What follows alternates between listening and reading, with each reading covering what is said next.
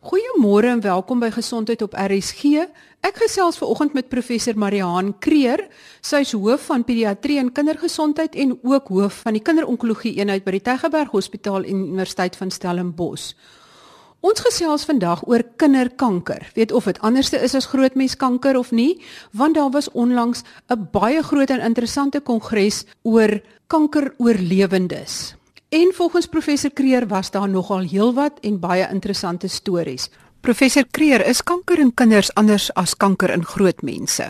Goeiemôre. Ja, en dit is definitief so. Baie dankie vir daai eerste vraag want dit is iets wat mense besef dat kinderkanker is totaal verskillend van volwasse kanker. Groot verskil is volwasse kanker ontstaan gewoonlik van epiteelweefsel, dis 'n tipe van sel en dit is nogal sensitief vir die omgewing en of jy rook en of jy verkeerd eet en so aan. So dit kan voorkom word met sekere maatreëls. Kinderkanker daarteen ontstaan gewoonlik uit 'n embrionale sel, met ander woorde in die embrionale fase van ontwikkeling het iets verkeerd gegaan En hierdie sel het die gewone groei meganismes wat abnormale groei beheer ontsnap en nou ontstaan 'n kinderkanker en daarom kry mense ook dat kinderkanker gewoonlik in die eerste 10 jaar van lewe presenteer gewoonlik so rondom 5 6 jaar juis omdat dit 'n tumorsel is wat al eintlik uit die embrionale fase begin het. Ander verskil daarvan is dis baie meer aggressief is uh, volwasse kanker. Met ander woorde die selle groei baie vinnig kan elke 2 tot 24 uur verdeel teenoor 'n volwasse kanker wat 2 tot 4 dae kan neem. En dit beteken alhoewel dit baie aggressief is, is dit ook baie meer geneesbaar want jou chemoterapie wat jy dan gee kan binne 2 tot 4 ure 'n geweldige klomp selle wat besig is om te verdeel doodmaak want dit is juis op die verdelingsmeganismes waar die chemoterapie werk teenoor volwasse kanker waar jy nie soveel selle wat met 'n stadiger groei verdeel gaan doodmaak nie. En daarom is dit soveel meer behandelbaar en geneesbaar in kinders. As jy sê dat dit eintlik embrionale selle is wat dan verkeerd begin verdeel, beteken dit dit is eintlik van geboorte af reeds teenwoordig en dat dit eers later sigbaar word? Absolute bewys vir daai stelling is daar vir sekere kinderkankers. Byvoorbeeld, ons weet al dat as jy gaan kyk na kinders wat akuut limfoblastiese leukemie kry, uh, in Oostenryk het hulle 'n studie gedoen waar hulle terselfdertyd op die bloedprik wat hulle vir metabooliese siektes uh, getoets het, uh, in pasgebore babas gevind dat die kinders wat uh, leukemie later ontwikkel het, was daar reeds die abnormaliteit teenwoordig in daardie bloeddruppel uh, by geboorte. En so ook weet ons van fetusse wat uh, geaborteer het wat jy alreeds die oorblyfsels skryf van neuroblastoom. So ja, dis moontlik. Ons kan dit nie deur die bank sê vir alle kinderkankers nie, maar sekere tipe kinderkankers is waarskynlik al die abnormale selletjies sit alreeds daar en wag om eendag te begin abnormaal groei. Sê maar mense sien dit nou wel baie vroeg in die bloed. Is daar iets wat mense daaraan kan doen voordat dit werklik ontwikkel? 'n Mens gaan waarskynlik net die abnormaliteit optel. Weereens ek vergelyk dit altyd vir ouers dat uh, dit is die rekenaars binne in 'n sel wat abnormaal begin funksioneer en dan die groei ontsnap. Nou die ding is gaan die rekenaar abnormaal wees of gaan hy nie en jy gaan nie weet nie. So daar's niks wat jy voorkomend kan doen nie. En ek dink dis die belangrike ding. Een, daar's niks wat jy kon gedoen het om te verhoed dat jou kind kanker kry nie. En twee, daar's niks wat jy voorkomend kan doen om te voorkom dat die kanker gaan ontwikkel nie. Wat eerder belangrik is is vroeë diagnose en onmiddellik by 'n kinderonkoloog uitkom vir goeie behandeling. Goed, ons gaan nou nou kom by die behandeling of die vroeë opsporing. Watse soorte kinderkanker kry mens? Wel die mees algemene kinderkankers is gewoonlik dan leukemie, akuut limfoblastiese leukemie en dis 'n bloedkanker. Dis in die wit bloedselle. Dit is dan 'n siekte wat in die beenmerg ontstaan en dit is die mees algemene siekte. Dit word gevolg dan gewoonlik deur breintumore en dan daarna kom veral in Suid-Afrika, veral in die swart kinders dan 'n niertumore wat bekend staan as Wilms-tumor of nefroblastoom teenoor die res van die wêreld in Amerika en Europa waar dit eerder neuroblastoom sal wees. Dan kry mense ook klierkankers veral hier in Afrika, limfklierkankers uh, soos Burkitt limfoom en dan het mens natuurlik die beentumore veral osteosarkoom in die tienerjare. En dan is daar 'n reeks ander. Een van die siektes wat my spesiaal uh, belangstelling het is dan retinoblastoom wat 'n oogkanker is wat gewoonlik by uh, 'n baba presenteer. Ehm um, dis 'n relatief baie skaars siekte, maar dit is ook onder die groepering wat jy kan kry uh, in die eerste 6 lys van 6 of 7 kinderkankers in Suid-Afrika. En dis gewoonlik kinders wat presenteer met 'n wit pupil in steede van die normale rooi refleks wat mens sien as jy 'n foto neem en dan jy 'n rooi refleks op die foto, kry jy skielik 'n wit weerskaatsing. Miskien kan ons kyk na elk van hierdie groepe wat jy noem, genoem het. Weet wat is die tipiese simptome? Wat is die behandeling en wat is die wat is 'n goeie oorlewingssyfer? Want soos wat ek verstaan, is kanker is 'n oorkoepelende woord, maar elke kanker is eintlik anderste. Is dit korrek? Ja, soos wat mense verskillende mense kry, moet mense ook aanneem dat kankers het hulle eie geaardheid en 'n eie respons op behandeling. Maar ek dink ons praat altyd van die gevaartekens van kinderkanker en die eerste belangrike ding is abnormale hoë koors wat nie 'n infeksie voorgekry kan word nie, 'n kind wat skielik gewigsverlies begin kry, 'n kind wat presenteer met abnormale bloedings, neusbloeding, tandvleisbloedings, puntbloedingkies in die vel, 'n kind wat uh, begin huil van pyn veral as hulle in die nag wakker word van pyn 'n kind met vroeë oggend hoofpynne en naait wat gewoonlik met breintumore is. 'n kind wat lusteloos en en en moeg is. En dan soos ek gesê het 'n wit pupil waar jy 'n rooi refleks verwag vir alles jy dit op 'n foto neem. Nou om te begin met die mees algemene een akute limfoblastiese leukemie is eintlik seker een van die mooiste suksesverhale tussen 1950 tot die jaar 2000 want in 1950 begin ons met geen oorlewing nie en dan begin mense soos Odile Swaisgood in Frankryk en Parys met die eerste chemoterapie vir kinderkanker die soortgelyke het gebeur in Amerika in teen die laat 80er jare met die BFM protokol begin ons 70% oorlewing kry en vandag is dit meer as 80%. Dit is natuurlik baie uh, intensiewe behandeling, dit is 'n uh, lang behandeling, dit duur gewoonlik gemiddeld 3 jaar vir so 'n kind met behandeling. Uh die eerste deel van 6 tot 9 maande is hospitalisasie dikwels uh, betrokke en daarna is dit instandhouding pilletjies uh oor 'n 2 jaar periode. So maar daar is genesing nou tans meer as 80%. As ons gaan kyk na uh, breintumore, uh, dan hang dit af van die tipe van breintumor. Uh die mees algemene wat goed genees is medulloblastoom wat weer eens 'n embrionale sel is, maar breintumore is weer 'n groot spektrum van. Daar is uh, sukses baie meer varieerbaar word dit bepaal deur die posisie of dit totaal chirurgies verwyder kan word en watter behandeling jy dan kan gee want sommige van hulle is nie sensitief vir chemoterapie nie. Kom ons by limfklierkankers, uh, spesifiek dan 'n Burkitt limfoom en Hodgkin limfoom, dan praat ons hier van 90% oorlewing. Krities net vroeë diagnose. Dieselfde vir nefroblastoom, dieselfde vir retinoblastoom.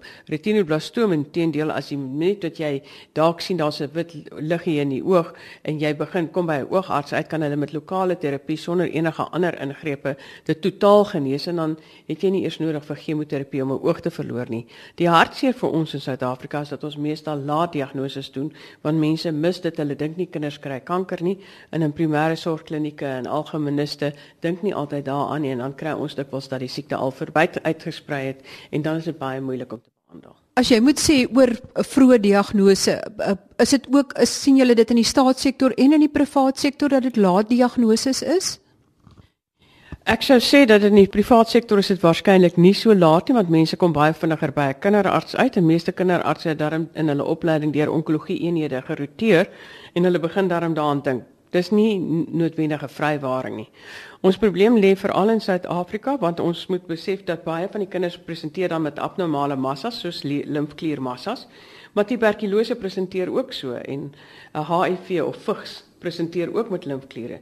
So nou kom 'n kind in 'n redelike afgeleë plattelandse gebied by 'n primêre kliniek aan en hulle stuur dit na die eerste distrikshospitaaltjie toe en hulle begin nou eers soek vir tuberkulose en vigs en eers as hulle nou uiteindelik agterkom dat dit is nou nie een van dit nie begin iemand dink dalk is dit iets meer as dit. En dan natuurlik is daar nie oral gesien die patologie dienste nie. So dit is 'n hele lang pad wat so 'n kind uit die platte land uit moet loop om uiteindelik by 'n sentrale hospitaal uit te kom waar die kinderonkologie eenhede gewoonlik is. En so dit is waarom ons het 'n program wat die WGO geloods het, Integrated Management of Childhood Illnesses en ons werk baie hard daaraan om die gevaartekens van kinderkanker in daardie program te kry, want daar leer jy primêre sorg verpleegsters om dan te begin dink aan hierdie uh, tipe van siekte. As hulle dan sekere kompleks van simptome in kliniese tekens kry, dat hulle besef dis 'n kinderkanker en liewer die kind direk na die sentrale hospitaal toe te stuur in steede van eers na die distrikshospitaal en dan 'n regionale hospitaal want dit vertraag die periode. En so baie keer kry ons as die kinders of laat diagnoses. So, kry omtrent so 100 800 kinders wat ons per jaar diagnoseer, maar ons vermoed ons onderdiagnoseer omdat kinders soms nie by ons uitkom nie en dalk uh, dit nie maak omdat mense dink dit is iets anders as 'n kinderkanker. As jy sê 800 gevalle is ondergediagnoseer, wat dink jy is dit die is die realiteit daar buite? En gee dan sommer 'n prentjie van wat is die voorkoms van kinderkanker? Kyk, kinderkanker bly 'n skaars siekte. Maar ons reken dat vir die bevolking van kinders wat ons in Suid-Afrika het, behoort ons omtrent 1500 kinders per jaar te diagnoseer. So ons diagnoseer waarskynlik 40-50% van daai kinders. Maar daar kan baie redes ook daarvoor wees. Ons het nog steeds 'n baie hoë eh, sterftesyfer van kinders onder die ouderdom van 5 jaar aan gastroenteritis, diarree en pneumonie, longontsteking. En wanneer dit gebeur, beteken dit dat baie kinders wat dalk 'n kanker sou kry, gaan ook dalk dood aan iets anders. Dit kan een rede wees. Waarom ons minder sien? Maar nou soos ons gesondheidsorgstelsels besig is om te verbeter en dit is besig om te verbeter. Ons is drasties besig om ons onder 5 mortaliteitssyfer in kinders af te bring. Dan weet ons begin kinderkanker 'n meer belangrike potensiële doodsoorsaak word van kinders met kanker. Nou as ons net kyk na die Wes-Kaap waar dinge redelik goed ontwikkel is en waar vigs omtrent glad nie meer 'n nuwe swangerskappe 'n probleem is nie want die voorkomingsprogram werk so goed so die babas is nie meer geïnfekteer nie, begin ons sien dat kinderkanker omtrent al die 10de 'n plek begin behaal van doodsoorsake in die Wes-Kaap. Nog nie heeltemal in die res van Suid-Afrika nie, maar ek dink dit gaan baie vinnig verbeter as ons ander goed kan afkry. In ontwikkelde lande is dit gewoonlik die nommer 2 doodsoorsaak na ongelukke en die tipe van sake. Nou in Suid-Afrika het ons natuurlik nou te doen met uh, infeksies wat nog baie kinders as 'n doodsoorsaak het, maar dan natuurlik ook geweld, al die geweld en ongelukke wat plaasvind. So kanker is 'n bietjie verskans, maar sodra ons hierdie tipe goed aanspreek, gaan dit definitief een van die belangrikste redes vir dood in kinders wees. Professor Kreer, sê maar julle kan almal diagnoseer en almal kom by julle uit. Is daar genoeg fondse om almal te behandel? Ek dink 'n mens moet soms ook 'n bietjie positief wees wat wat bestaan in Suid-Afrika. Nog al die jare kon ons kinderkanker effektief behandel. Die middels bestaan, Kinderonkologie het 'n nood aan nuwe ontwikkeling van nuwe en beter middels vir die meer skaars en moeiliker siektes. Maar die goeie standaardbehandeling wat lei tot 80-90% genesing in ontwikkelde lande bestaan in die staatshospitale vir kinders. En ons kan dit gee en ons het nie probleme nie. Ons voel wel baie sterk daaroor met die nuwe dokumentasie wat plaasvind rondom die nasionale gesondheidsversekeringsplan uh sowel as die beleidsdokumente oor nie oordraagbare kroniese siektes dat daar te min gefokus word op kinderkanker want daar word geweldig gefokus op die voorkoming van volwasse kanker uh, en wat daar in plek gestel moet word vir volwassenes. En kinders kry nie hulle regmatige plek nie. So ons wil beleidsmakers sensitiseer dat hulle moet weet dat daar baie duidelik omskryf moet word in die nasionale gesondheids gesondheidsversekeringsplan dat kinders hulle behandeling mag kry en dit moet ook in die beleidsdokumente oor nie oordraagbare kroniese siektes kom. Maar ons het dit. Dit bestaan hier en dit is maklik en dit is goed hanteerbaar en daar is nou ons het so ontplof met kinderonkoloog toe ek in 93 uit België teruggekom het was ons maar 8 en ek dink ons is hier nou na aan 30 kinderonkoloë en uh, ons begin nou waglyste kry van mense wat wil oplei. So ons het genoeg kinderartse Ons het nie noodwendig genoeg verpleegkundiges nie, en dit is 'n nasionale tekort aan goeie opgeleide verpleegkundiges. Ons het al die middels en elke staatshospitaal gekoppel aan 'n universiteit het ten minste 'n kinderonkologie eenheid en ons het uitgebrei na omgewings soos Limpopo en Polokwane en ook in die Oos-Kaap en Port Elizabeth en uh, Oos-London sodat ons die behandeling so naas moontlik aan die kinders se huise kan bring dat dit nie altyd so ver van hulle huise is nie. So dit bestaan en dis een van die suksessyfers en ons kan dit behandel. Professor Kreer, jy was op pas by die um kankeroorlewingskonferensie wat hier in Kaapstad gehou is. Kan jy dalk so een of twee suksesverhale daar uitlig of iets interessant wat daar gebeur het? Is daar duidelik dat daar baie meer oorlewendes is as jy net so 'n paar indrukke kan gee? Ja, dit was nou nogal uh, regtig opwindend om by te woon. Dit was die eerste wat hulle die kankeroorlewendes in Suid-Afrika 'n kongres voorgereël het. Dit was gratis aangebied. Dit was totaal uh, befonds deur buitegroeperings en dit was verstommend om te sien dat, uh, dat hulle rekenaar was tussen 1200 en 1500 mense wat gekom het. Ons het een groot gesamentlike sessie gehad en dan het hulle verdeel in vier verskillende sessies, een wat gefokus het op vroue kankers, uh, een wat gefokus het op manne kankers, een op psigososiale kankers en dan een op die langtermyn kinderoorlewendes. Nou uh, daar het ons redelik aktief deelgeneem en het ons langtermyn oorlewendes gehad wat kom vertel het wat is hulle ervarings nou, hoe dit voel en wat hulle gaan. En dit was wonderlike stories. Ek meen die een het hier in Kaapstad groot geword, maar sy het onder andere in 2008 na haar kanker vir Italië in die Olimpiese spele deelgeneem in swem en 'n uh, silwer medalje gekry. So dis opwindende stories om te hoor en as ek nou so uit my eie loopbaan nou kyk van meer as 30 jaar. Ek het nou 'n hele aantal kinders wat nou al genees het, wat nou al trou, wat hoogs suksesvol is en goeie beroepe beoefen. Uh, ek het selfs een langtermyn uh, leukemie pasiënt gehad wat op 2 jaar gediagnoseer is en uh, sy het met 10 onderskeidings matriek geslaag en uh, uh, dit is fantastiese stories wat jy kan kyk na oor hoe hierdie jong mense dan die lewe met entoesiasme aanpak en weet hulle het iets om terug te gee aan die samelewing want hulle het hulle siekte oorwin. As iemand kinderkanker gehad het en jy het genees of jy is nou in remissie, hang daar vir die res van jou lewe so hard oor jou kop dat dit weer iewers kan uitdop of kan jy sorgeloos lewe? Hoe langer die periode is uh, wat jou kanker weg is, veral die eerste 5 jaar en na 10 jaar, is dit onwaarskynlik dat jou kanker ooit weer gaan terugkom. So daai swaard verdwyn, maar ongelukkig omdat ons behandeling so aggressief is en omdat kinders jonk en opgroeiend is, is daar altyd die potensiaal dat hulle van die intensiewe behandeling wel een of ander lewenslange probleem ontwikkel. En ons reken dat omtrent 2/3 van sulke kinders het ten minste een so probleem, meestal nie lewensbedreigend nie, meestal oorkombaar, maar dit is belangrik dat hulle wel dan lanktermyn goed opgevolg word. En dit is een van die dinge dat uh in my vroeë deel van my eie loopbaan, maar ek dink meeste van ons loopbaan was ons so min en het ons so gefokus op die akute genesing van kinders, maar dit is nou tyd dat ons fokus op die steun aan onlangtermyn oorlewendes en dis spesifiek waarop ons ons gaan fokus hier in Stellenbosch met 'n volgende 5 jaar navorsingsprojek om te sien wat ons daar kan stel om juis langtermyn oorlewendes te kan help met hulle kroniese gesondheidsorgprobleme in die toekoms. Daar is dan die een potensiaal omdat hulle reeds een kanker gehad het, is daar 'n baie klein groepering wat potensiaal minder as 5%, maar dit bestaan tog wel 'n tweede volwasse kanker kan ontwikkel 20 en 30, 40 jaar later. Nie baie groter kans nie, maar mens moet dit maar in jou agterkop hou. Maar die grootste gros sal net so een probleem oorhou, een of twee probleme, maar dit moet wel opgevolg word en ondersteun word. Ek dink die grootste probleem vir my in Suid-Afrika en ook wêreldwyd is dat hierdie mense het lewenslank probleme met versekerings, met lewensversekering, siekteversekering uh huislenings en sulke goed en ek dink dit is onregverdig en dit is een van die goed wat ons nou moet aanspreek en seker maak dat hulle tot dieselfde mate uh kan aansoek doen want hulle is volwaardige uh, burgers van die land wat bydra tot die land. Wat is daai probleme wat hulle dalk kan oorhou? Sommige het lengtegroei probleme omdat hulle veral so te jonk behandel is.